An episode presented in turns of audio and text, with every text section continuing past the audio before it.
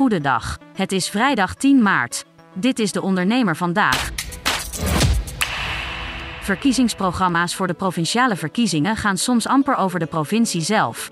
Bovendien blijken veel teksten van elkaar gekopieerd of fouten te bevatten. Dat blijkt uit onderzoek van AD, Pointer en nieuwscheckers. Het aantal werknemers dat door ziekte thuis bleef is in het vierde kwartaal van vorig jaar opnieuw gestegen. Dat meldt het Centraal Bureau voor de Statistiek. Daarmee benadert het ziekteverzuim de cijfers uit 2000, toen het CBS het hoogste ziekteverzuim registreerde sinds de start van de metingen vier jaar daarvoor. China is tegenstander van de nieuwe beperkingen bij de export van Nederlandse chiptechnologie naar het land.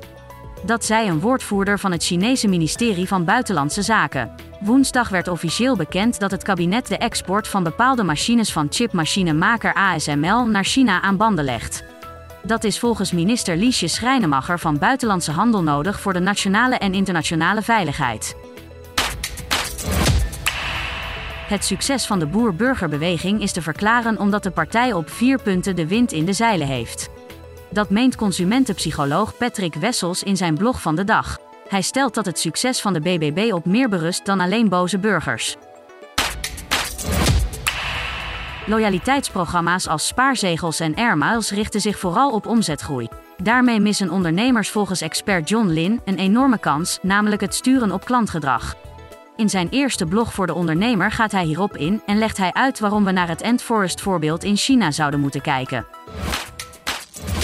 Tot zover de ondernemer vandaag. Wil je meer? Ga naar deondernemer.nl.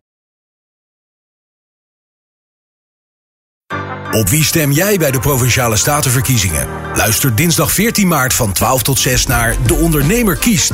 Live vanuit Den Haag op Nieuw Business Radio. Met ondernemers en politici die je helpen de juiste keuze te maken. De Ondernemer kiest is een samenwerking tussen De Ondernemer, het AD, ONL en Nieuw Business Radio.